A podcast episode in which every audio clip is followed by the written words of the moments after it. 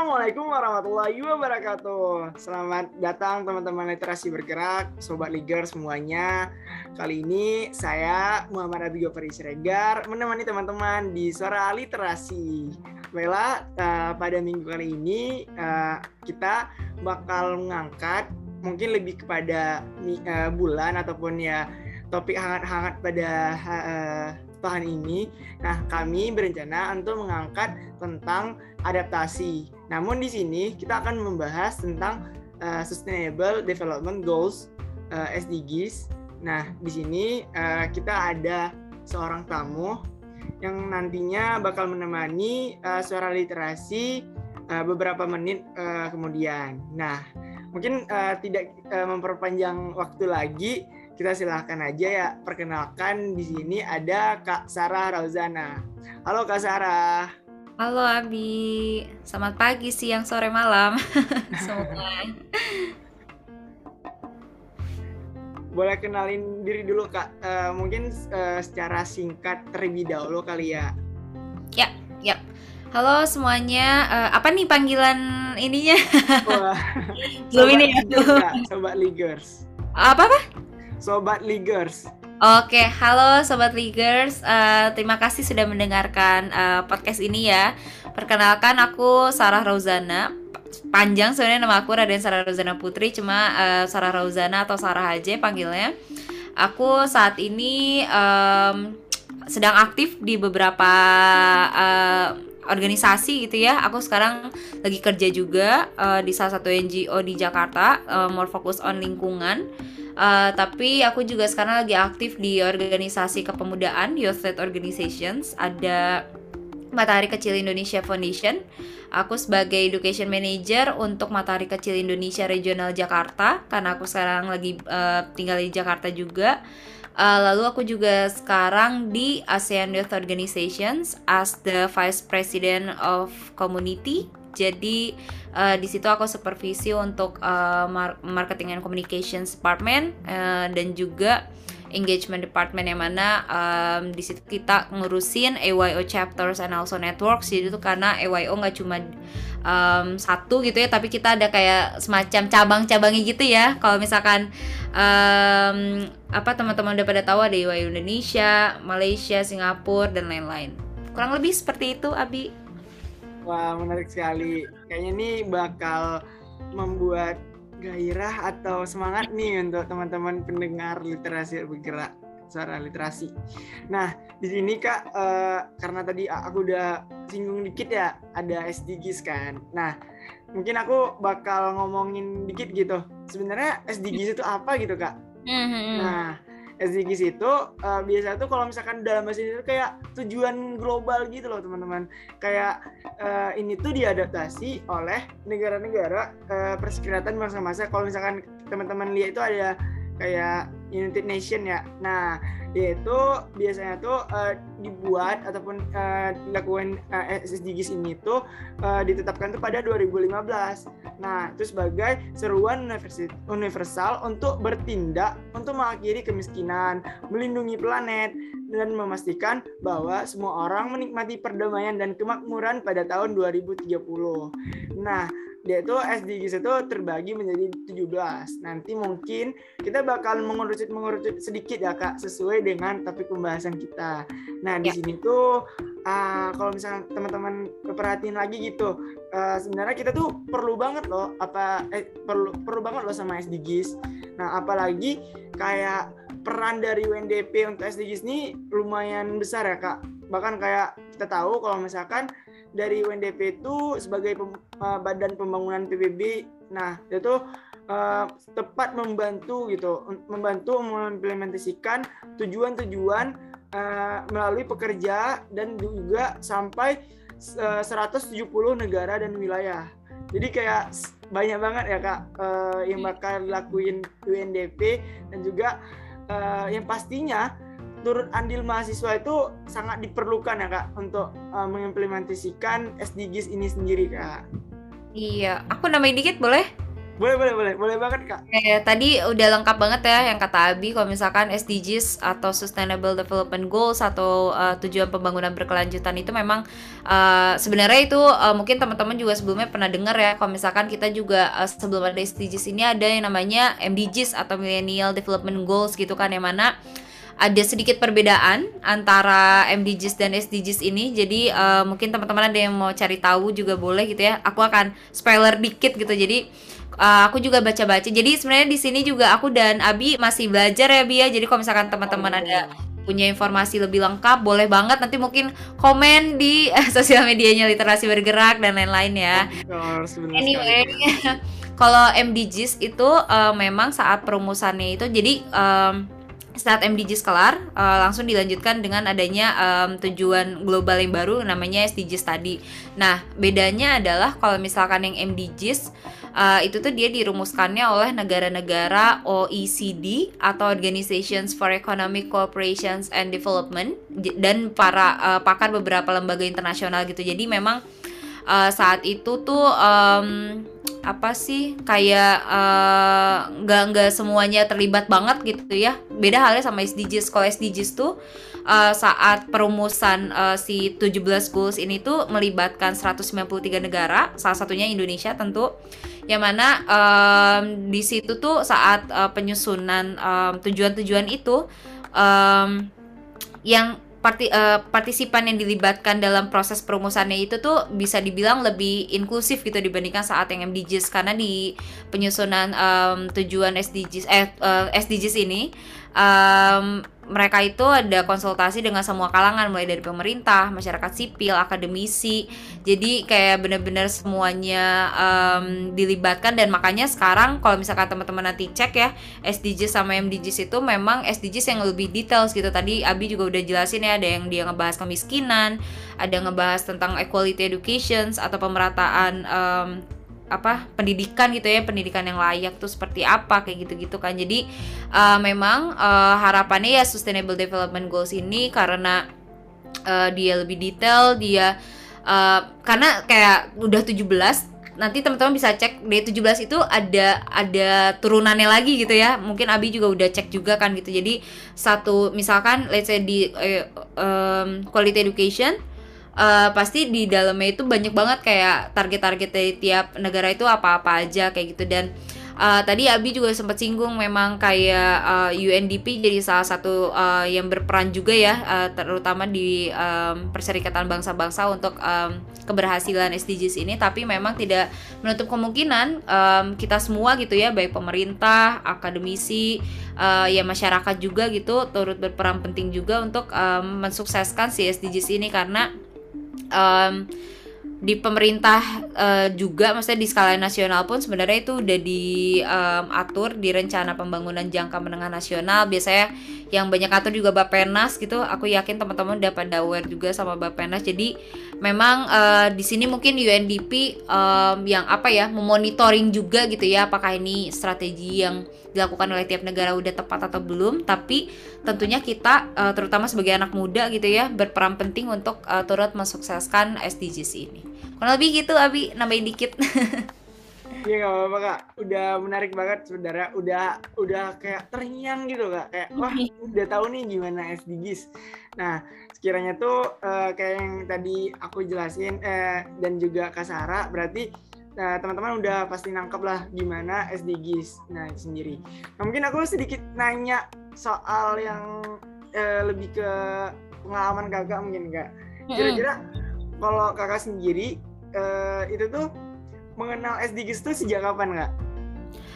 Oke, em, kalau aku pribadi aku baru em, aware banget gitu ya terhadap SDGs itu kayaknya tingkat akhir kuliah deh gitu. Jadi eh, tapi memang kalau sekarang-sekarang setauku em, biasanya di semester awal di perguruan tinggi eh, ya perguruan tinggi di mana pun gitu ya di semester awal udah di ada ini ya mata kuliah umum ya kalau nggak salah tentang SDGs gitu tapi mungkin pas zaman aku ya kayak jauh banget ya pas aku kalau dulu nggak nggak kedapetan gitu makanya aku baru baru bener-bener aware tuh di em, akhir uh, semester akhir kuliah gitu aku lupa semester 7 atau semester 8 karena itu aku ikutan project juga gitu. Jadi sebenarnya waktu itu uh, sebenarnya ikutan project lingkungan.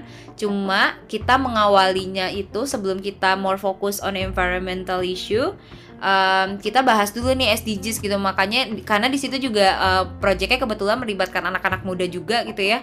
Uh, di situ dijelasin juga kayak kenapa sih kita um, harus uh, turut aware nih terhadap isu lingkungan gitu. Karena ya isu lingkungan juga menjadi salah satu tujuan yang tercantum di Sustainable Development Goals itu gitu. Jadi dari situ aku kayak mulai oh SDGs nih keren banget ya. Maksudnya kayak dia kayak visi global yang mana ini harus di lakuin oleh seluruh negara kayak gitu ya untuk mencapai ya uh, goals-goals yang sudah ditetapkan ini. Dan sangat-sangat komprehensif gitu. Jadi nggak cuma fokus ke uh, let's say kesehatan nggak cuma condong ke pendidikan tapi benar-benar uh, inklusif gitu. Um, pendidikan iya terus gender equality iya bahkan kayak uh, partnership jadi kayak kerjasama pun diatur gitu. Maksudnya di dibahas juga di sini gitu. Jadi kalau menurutku ini sangat-sangat keren. Makanya itu juga secara nggak langsung men-trigger uh, aku juga gitu ya untuk ngebaca atau menyari tahu juga tentang SDGs yang mungkin saat yang di project aku lebih ke lingkungan gitu ya karena emang projectnya fokus on lingkungan issue. Tapi juga uh, dari situ nge-trigger aku supaya baca-baca lagi sih emang di yang lain ada problem apa sih gitu di SDGs yang lain gitu kan di goals-goals yang ada selain di lingkungan gitu. Dan ternyata jadi apa ya uh, nambah nambah insight baru dan juga nge-trigger kita juga atau uh, memotivasi kita juga untuk do something juga for other goals juga gitu. Jadi mungkin uh, ya kita nggak mesti langsung terjun gitu ya karena kita juga punya um, kapabilitasnya masing-masing. Cuma at least kalau misalkan kita paham ya kita bisa bantu support untuk teman-teman yang memang fokus terjun di isu terkait gitu ya. Jadi itu bentuk dukungan kita untuk sama-sama mensukseskan juga sih kayak gitu wah menarik sekali kak bener sih kak kalau aku pribadi Tapi gimana nah kalau aku pribadi itu uh, mungkin nggak pemerataan SDGs ini belum sampai ke seluruh Indonesia ya kak hmm. soalnya aku sendiri belum mengalami apa ya pembahasan SDGs ini nggak secara gamblang gitu loh kak ya. dipaparkan ya. secara perkuliahan ataupun ya lain sebagainya ya, mungkin nanti kita bahas lagi ya kak dan hmm. itu ya kayak uh, ada gitu. Kalau misalkan pembahasan SDGs mungkin lebih concern ke lingkungan, concern ke pendidikan, tapi itu secara tidak langsung bukan secara langsung. Dan itu yang aku dapatkan. Bahkan uh, untuk pengetahuan aku soal SDGs aja itu aku baru dapat di SMA tahun akhir SMA dan itu aku gabung sama community Kasara juga Asian Youth Organization dan setelahnya gara-gara itu aku juga udah lebih aware nih lebih aware terhadap SDGs namun pas ketika aku udah di perkuliahan sekalipun uh, apa ya awareness terhadap SDGs ini ya dipahami oleh masing-masing orang aja. Jadi bukan lebih kepada lembaga formal seperti itu.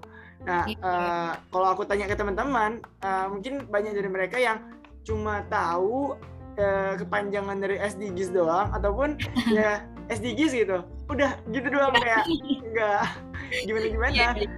Nah, mungkin di sini kita lebih dalam lagi gitu kan. Setidaknya teman-teman nih uh, terbuka gitu cakrawalanya soal SDGs. Iya makanya tadi juga uh, yang di awal ya yang kita bahas kan memang di sini bukan cuma perannya UNDP bukan cuma perannya Bappenas ataupun pemerintah gitu ya tapi juga ya kita sebagai masyarakat juga bisa kok melakukan sesuatu gitu untuk turut mensukseskan ini. Ya salah satunya mungkin dengan literasi bergerak sekarang ngebahas SDGs dengan tadi Abi juga udah sempat mention ya kalau misalkan ASEAN Youth Organizations juga kita sebenarnya kayak uh, mencoba nih um, karena kan berarti uh, isunya nih cukup kompleks gitu ya. Nah, gimana caranya kita bisa uh, nge-solve uh, isu-isu ini tuh untuk eh supaya bisa tercapai keberhasilan si SDGs-nya itu. Makanya ini sharing sedikit juga di ASEAN Youth Organizations kita ada program namanya AYU Ambassador Program.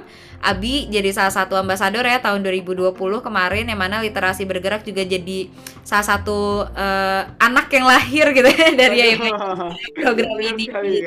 Uh, uh, jadi um, harapannya ya uh, dengan ada seperti ini, jadi memang EY uh, ambassador program ini kita kayak apa ya? Uh, uh, pegangannya adalah SDGs itu gitu. Makanya di EY ambassador program program yang dilaksanain sama ambasador ini macam-macam kayak Abi di uh, quality education terus juga ada yang fokus di isu lingkungan ada yang fokus di uh, gender equality ada yang uh, pokoknya banyak banyak banget gitu ya jadi um, itu juga jadi salah satu peran uh, EYO mungkin as uh, youth representative juga gitu ya untuk bisa turut mensukseskan. Makanya mungkin setelah ini uh, teman-teman bisa cari tahu lebih dalam gitu dan bisa apa ya cari tahu gitu kira-kira apa sih peran yang teman-teman bisa lakukan untuk turut mensukseskan ini. Karena caranya beda-beda gitu kan. Kayak Abi uh, dengan bikin literasi bergerak. Mungkin teman-teman disesuaikan juga dengan uh, interestnya teman-teman gitu ya Abi kan memang suka baca gitu kan uh, inginnya ada target uh, peningkatan literasi juga dan mungkin teman-teman gak mesti ngikutin Abi yang fokus di quality education tapi juga mungkin bisa di hal-hal lain yang memang sesuai dengan interest teman-teman dan dengan cara yang teman-teman uh, minati sih kayak gitu ya Bia. Ya? Setuju, setuju kak. Jadi benar-benar apa ya? Uh, kalau aku sih kayak uh, wow gitu kan, blowing banget ini SDGs gitu kan. Jadi ketika aku udah mengenal SDGs ini kayak istilahnya udah tau lah uh, topik-topik pembahasan apa aja nih yang viral di di dunia ya, bahkan. Iya betul. Itu Dan makanya masih bareng-bareng ya, karena banyak banget kan yang Iya, 17 loh kak. Iya luar biasa kayak luar biasa dan uh, ya masing-masing itu punya target dan uh, pencapaiannya dan menurut aku uh, nggak nggak apa-apa banget kalau misalkan apa yang kita lakuin itu sebenarnya bukan untuk dapat approve banyak orang ataupun approve ya. dari pemerintah tapi ya. lebih kayak lebih mencintai bumi dan masyarakat masyarakatnya loh kak Iya iya betul betul. Bukan bukan ada uh, ya sebenarnya targetnya adalah benar-benar gimana caranya kita bisa memberikan kesempatan hidup yang layak untuk semua orang ya karena kesempatan hidup yang layak itu menurut aku nggak cuma sekedar lingkungan yang layak tapi juga ya gimana caranya kita mendapatkan uh, pendidikan yang layak gimana caranya kita diperlakukan hak dan uh, hak-hak kita secara adil gitu ya tidak ada diskriminasi dan lain-lain gitu kan yang mana itu ya mungkin salah satu caranya uh, dengan mensukseskan si SDGs ini sih gitu. Sekali kak. Mungkin sini uh, aku mau tanya beberapa lagi kak. Soalnya kan uh, kayak uh, banyak orang nanya dan kayak pengen tahu gitu. Nah kira-kira nih kak, kalau misalkan SDGs nih uh, kita tuh perlu nggak sih kak belajar secara formal di pendidikan formal seperti di Indonesia untuk belajar SDGs ini kak? Kalau menurut kakak, pandangan kakak tuh gimana kak? Oke, um, kalau menurutku sih tentu perlu ya karena um, tidak bisa dipungkiri kalau misalkan ilmu-ilmu yang kita dapetin di sekolah formal gitu ya emang kita ikutan uh, ya instansi pendidikan formal gitu jadi salah satu bekal kita juga gitu kan untuk kita bisa either uh, langsung mengaplikasikannya ataupun uh, sekedar kayak itu jadi pemantik gitu supaya kita bisa mencari tahu lebih dalam gitu. Tapi kalau menurutku yang paling penting adalah gimana caranya um, instansi pendidikan ini gitu ya bisa membuat uh, sistem yang mana siswa-siswanya ini baik ya siswa atau mahasiswa gitu ya bisa mengaplikasikan ilmu-ilmu SDGs ini ke kehidupan sehari-hari gitu. Jadi uh, kalau menurutku itu yang cukup penting juga karena let's say uh, sekolah baik SD sampai SMA ataupun uh, instansi pendidikan lainnya kayak kampus gitu ya uh, kita kuliah udah gencer nih uh, nih pelajari nih SDGs ada poin 1 sampai 17 gitu ya. Tapi kalau cuma sekedar uh, apa ya? hasil akhirnya adalah nilai, menurut aku akan sayang banget gitu. Sedangkan kan kita untuk mensukseskan SDGs ini dibutuhkan aksi nyata yang emang uh, dibutuhkan peran seluruh masyarakat gitu ya. Again tadi yang kayak kita bahas di awal gitu. Nah, gimana caranya uh, instansi pendidikan ini ini sebenarnya nggak cuma tentang SDGs ya, uh, tapi juga kalau menurut aku um, pendidikan secara general gitu. Gimana caranya nih instansi pendidikan ini bisa uh, membuat ekosistem di mana materi-materi uh, yang udah siswa dapatkan dari gurunya masing-masing ini bisa mereka implementasikan di kehidupan mereka sehari-hari gitu. Gimana caranya biar uh, penyampaian materi SDGs ini ataupun materi-materi lain ini bisa nge-trigger atau memotivasi siswa-siswinya ataupun mahasiswanya untuk um, ya diaplikasikan di kehidupan sehari-hari gitu. Let's say um, SDGs nomor uh, nomor uh, life below water 14 seingatku yang mana salah satu sub poinnya adalah mengurangi um, prevent uh, marine lit, uh, litters. Jadi kayak gimana caranya untuk mencegah adanya sampah di laut gitu kan. Nah, percuma kan kalau misalkan kita cuma oke okay, nih tahu nih teorinya kayak gini terus gak diaplikasiin kan useless ya bisa dibilang gitu kan udah ada oke okay, aware nih udah tahu harusnya seperti apa gitu tapi kayak um, seharusnya yang paling paling uh, tepat adalah gimana caranya mengimplementasikan itu gitu. Berarti kan seharusnya ada ada uh, karena penilaian tuh uh, beda-beda ya. Biasanya ada kognitif ada apa ada apa kayak gitu kan. Jadi sampai level mana nih seharusnya uh, instansi pendidikan bisa uh, mendorong siswa-siswi atau mahasiswanya untuk mengaplikasikan ilmu-ilmu uh, yang udah mereka dapatkan di uh, perkuliahannya atau di sekolahnya masing-masing kayak gitu. Tadi kalau kita balik lagi ke prevent marine litters uh, berarti nggak cuma sekedar mereka oke okay, tahu nih uh, praktek uh, apa biar uh, nge-prevent supaya kita nggak nyampah di laut adalah jangan buang sampah sembarangan, jangan pakai plastik dan lain-lain kayak gitu kan.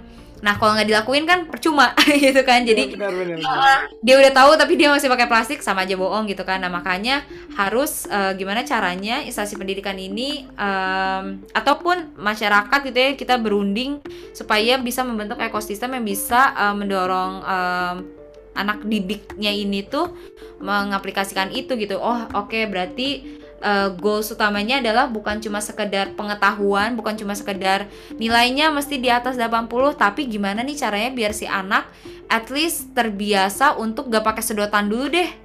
Atau dari situ nyicil, oke okay, udah sedotan nih uh, checklist gitu, kresek dan lain-lain gitu. Jadi terusin. Nah, itu sih menurut aku yang cukup penting juga ya dan ini nggak cuma SDGs tapi kayak mungkin di uh, mata pelajaran lainnya gitu entah itu PPKN atau apa gitu ya banyak banget kan gitu. Jadi itu sih Abi menurutku uh, kalau misalkan balik lagi ke pertanyaan Abi apakah penting uh, pendidikan formal mengajarkan itu? Tentu penting banget gitu tapi uh, tidak hanya sekedar uh, menyampaikan uh, ujian that's it gitu. Itu kan uh, agak ini juga ya agak nanggung juga gitu. Terlebih kan sekarang kita lagi pandemi yang mana katanya tuh selama pandemi ini mostly sekolah sekolah-sekolah tuh yang kayak cuma oke okay, ngejelasin gurunya um, abis itu siswanya suruh ngumpulin tugas oke okay, udah kayak gitu. Kan gak ada praktek kayak juga kan kayak gitu. Jadi uh, makanya apalagi kalau misalkan sama sekali nggak dibahas si SDGs ini kan lebih parah juga gitu kan. Jadi kalau menurutku cukup penting penting banget malah ya biar uh, semua orang juga aware gitu dari dari sejak dini gitu terhadap adanya goals uh, atau uh, visi global ini, misi global ini. Dan gimana caranya biar mereka bisa terlibat ya pasti di awal mesti ada uh, basicnya dulu nih SDGs itu apa. Di situ mereka seharusnya bisa uh, semakin uh, termotivasi untuk mencari tahu lebih dalam gali informasi lalu mempraktekannya di kehidupan sehari-hari. Kalau menurut aku kayak gitu tapi kalau Abi mungkin ada pandangan lain dari uh, pengalaman atau mungkin uh, dengar dari teman-teman gimana? Ya kak. Kalau aku pribadi jujur setuju banget. Karena yang aku lihat sendiri uh, sebenarnya tuh orang-orang tuh udah pada aware cuma uh, aware mereka ini apa ya sekadar tahu doang nggak? Kayak sekadar tahu tapi nggak ngelakuin nggak ada actionnya gitu. Kayak contohnya dengan penggunaan kayak kakak bilang tadi hal-hal kecil penggunaan uh, tote bag penggunaan sedotan yang sebenarnya kalau misalkan kita lihat-lihat ya kak kalau kita kali-kalikan gitu kalau misalkan di Indonesia ada 250 lebih ya kak uh, juta orang gitu uh, penduduknya. Kalau misalkan kita bau membau uh, mulai dari satu sedotan ataupun mulai dari satu tote bag, kalau menurut aku tuh juga bakal membantu banget uh, tentang lingkungan kita kak. Itu bakal jatuhnya nanti pemanasan global juga uh, dapat teratasi juga nanti dari yang kayak kak bilang tadi dari SDG nomor 14 yaitu life below water itu juga teratasi gitu kak. Jadi yeah. menurut aku juga uh, apa ya uh, dari satu hal kecil sebenarnya itu bersinggungan untuk banyak hal gitu. Kayak mungkin yang dari dari tadi yang tentang lingkungan juga sebenarnya nggak cuma lingkungan yang yang berdampak gitu loh teman-teman. Nanti juga nanti dari uh, kesehatan sekalipun hmm. dari kita nggak membuang sampah sembarangan, dari kita menghemat yeah, yeah. penggunaan, itu hmm. juga bisa singgung ke SDG nomor 3, good health and well being gitu kan. Betul, Dan juga dari uh, apa ya dari good health well-being tadi dengan kesehatan kita baik, otomatis kita juga mudah nih mengakses pendidikan dan itu juga dapat ke quality education. Ya. Nanti ketika quality education itu terdapat gitu poinnya, nanti kita bisa membangun kayak SDG nomor 9, uh, industry innovation, terus juga SDG nomor 11, sustainable cities and communities. Jadi kayak ya kita tuh membentuk sebuah pola pikir yang di mana uh, semua poin-poin SDGs sebenarnya bisa dikaitkan gitu, bisa dikaitkan, bisa kita atasi dengan adanya sebuah industri atau masyarakat yang hebat. Nanti kita bisa mengurangi no poverty yang SDGs nomor pertama ataupun nanti yang kayak SDGs nomor dua yaitu zero hunger. Dan itu menurutku juga kompleks banget gitu loh. Dan itu yang sebenarnya pola pikir itulah mungkin perlu ya kak di, betul, di betul. formal atau informal gitu kan dan Betul, itu betul. menurutku nggak semua orang paham kalau misalkan eh, setiap hal itu bersinggungan gitu karena sedikit saja kita melakukan hal buruk atau hal kecil ya itu tuh bakal berdampaknya tuh besar gitu kalau misalnya kita perhatiin lebih lanjut lagi gitu makanya kalau aku tuh kadang-kadang hati-hati gitu loh kak kalau melakukan sesuatu tuh mikir dulu, baca dulu, amati dulu. Jika aku udah tahu, baru aku kayak mengeducation orang-orang. Kalau misalkan tuh ini benar, ini salah. Dan kalau itu menurut aku subjektif, aku bakal sampein ini menurut aku gitu. Kalau itu objek objektif, aku bilang lagi, oh ini menurut banyak orang ataupun menurut objektif ataupun menurut ya eh, keseluruhan orang gitu. Kalau misalkan itu ini tuh baik gitu. Dan uh, dan dari formal informal dan dari pendidikan formal itu menurutku penting banget kalau misalnya diterapkan secara langsung gitu kak. Mungkin dari kurikulum dan yang aku dapatkan mungkin dari beberapa universitas uh, top di Indonesia ya kak. Itu uh, kurang lebih udah menerapkan secara gamblang untuk SDGs ini. Namun pemerataan di seluruh Indonesia itu menurut aku belum efektif dan belum tersampaikan secara langsung. Walaupun banyak ya kak NGO-NGO yang concern banget. Terus juga kayak wah ini pemanasan global pemanasan global gitu kan. Tapi nggak semua orang tuh paham gitu kontribusi ya. mereka terhadap dunia. Bener nggak sih kak? Iya iya. Makanya uh, again ya um, tadi penting banget untuk uh, instansi pendidikan ini. Maksudnya um, sekolah formal gitu ya untuk menerapkan ini. Karena mungkin kalau misalkan gak dijelasin tentang SDGs itu mereka nggak akan ngeh juga kalau misalkan antara satu uh, goals dengan goals yang lain itu saling berkesinambungan gitu saling terhubung kayak gitu kan. Kalau misalkan mereka sudah uh, dapat ilmu itu gitu terus mereka uh, penyampaian gurunya tepat ataupun uh, ya apa pun lah kayak um, alur alur uh, pembelajaran itu tepat yang mana bisa uh, nge-trigger siswanya untuk uh, makin kritis gitu ya uh, melihat uh, sosok SDGs ini. Kan kayak tadi Abi langsung mapping nih ini kalau misalkan kalau misalkan lingkungannya jelek berarti nanti akan mempengaruhi uh, good health uh, health mereka juga loh yang mana itu sebenarnya udah di SDGs nomor 4 kayak gitu kan. Terus lagi um, sebenarnya juga uh, dari dari good health itu pasti nanti ngaruh nih ke SDGs yang lain dan segala macamnya. Nah po, uh, pemikiran kritis pola pola pikir secara kritis itu tuh yang mesti kita bangun bareng-bareng gitu ya terutama di instansi pendidikan. Uh, khususnya khususnya banget di sekolah formal gitu karena memang uh, itu jadi sumber utama lah ya maksudnya yang jadi um, apa anak-anak muda ini dapat informasi ya dari sekolah formal itu. Makanya penting banget untuk sekolah juga turut memperkenalkan uh, SDGs ini untuk anak anak-anak muda tadi ya mana um, again peran anak muda juga penting untuk um, melu, apa ya meneruskan itu. Karena tadi Abi juga bilang kalau misalkan sebagian besar udah tapi ada yang belum kebagian juga nih uh, sekolah inform uh, sekolah formal yang menjelaskan ini juga gitu. Berarti kan ada peran kita juga ya kayak kayak ada kewajiban kita juga nih kita udah dapat ilmunya gimana caranya kita meneruskan ini gitu ya supaya yang nggak kebagian itu kebagian juga kayak gitu kan.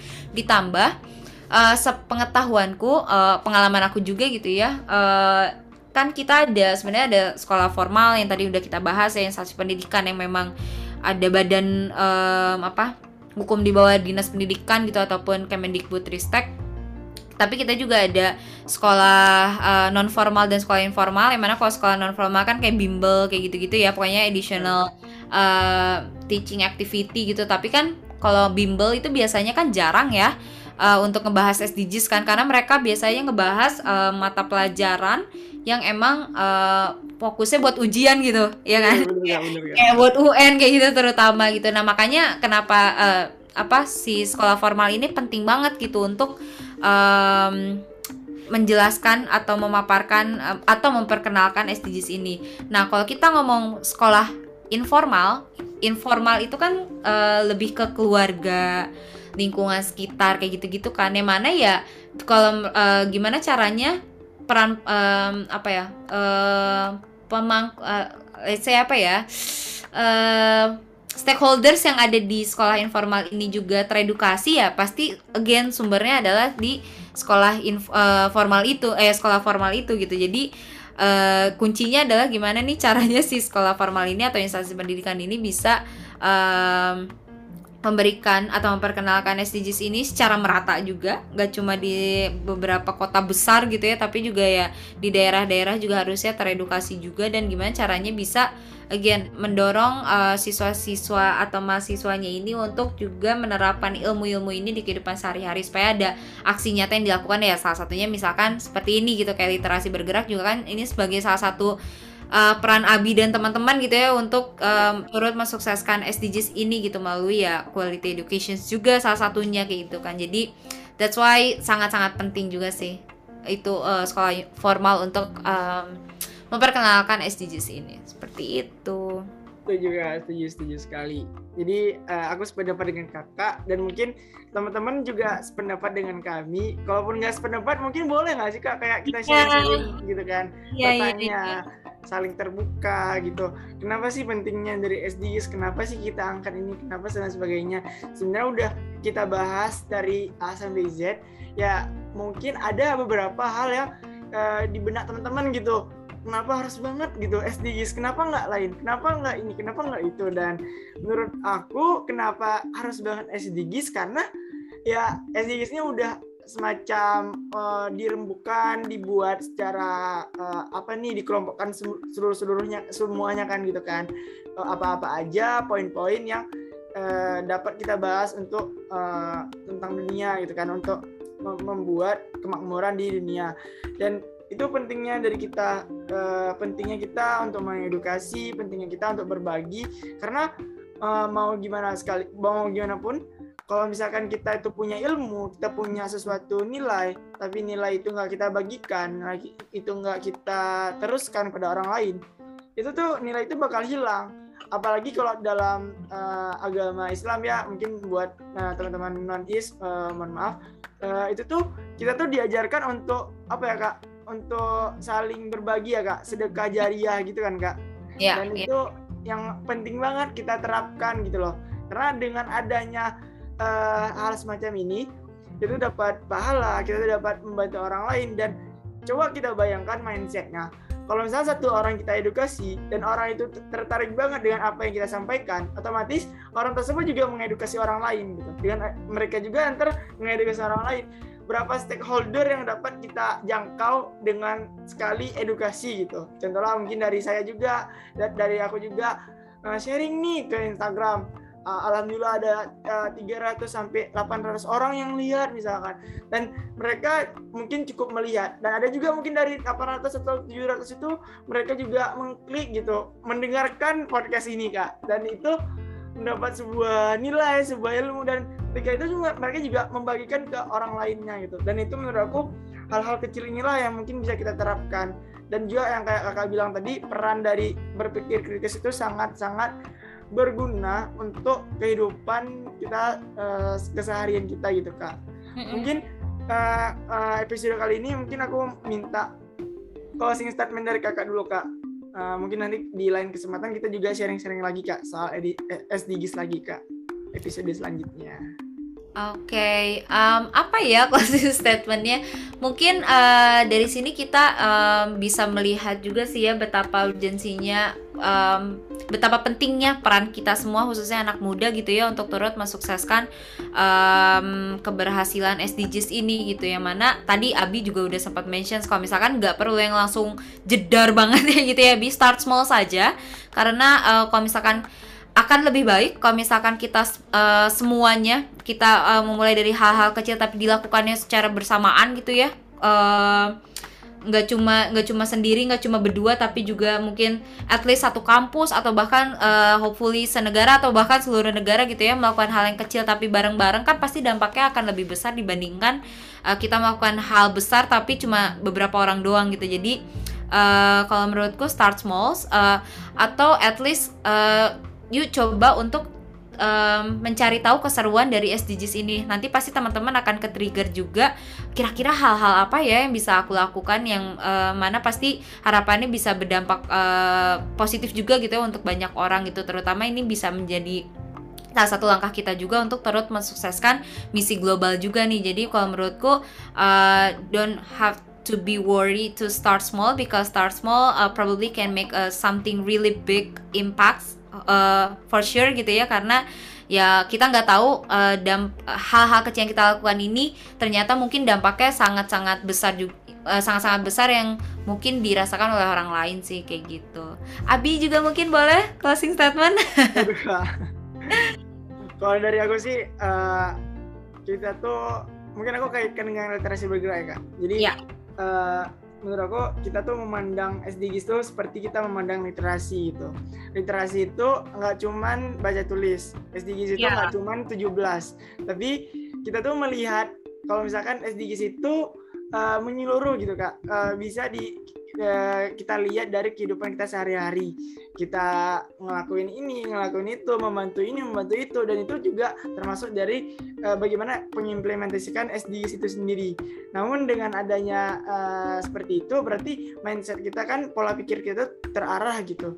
Nah, kemudian ketika kita udah memiliki mindset yang kuat, otomatis kita juga berkemampuan uh, untuk membagikannya ke orang lain. Jadi jangan hanya ke diri sendiri saja, tapi mulailah perlahan uh, memupuk itu kepada orang lain gitu.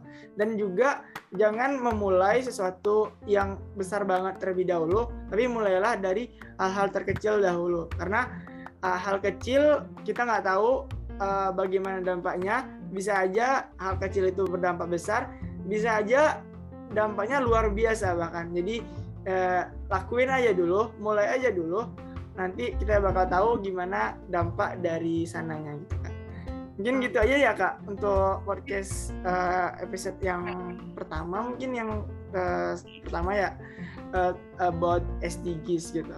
Mungkin kita uh, bertemu lagi kak di lain kesempatan kak. Terima kasih banyak kak Sarah Ya ya Kabi, bye teman-teman literasi bergerak. Sampai berjumpa di lain kesempatan. Assalamualaikum warahmatullahi wabarakatuh. Terima kasih banyak teman-teman literasi bergerak, so, uh, teman sobat Ligers yang sudah mendengarkan suara literasi. Oke, terima kasih semuanya. Selamat jumpa.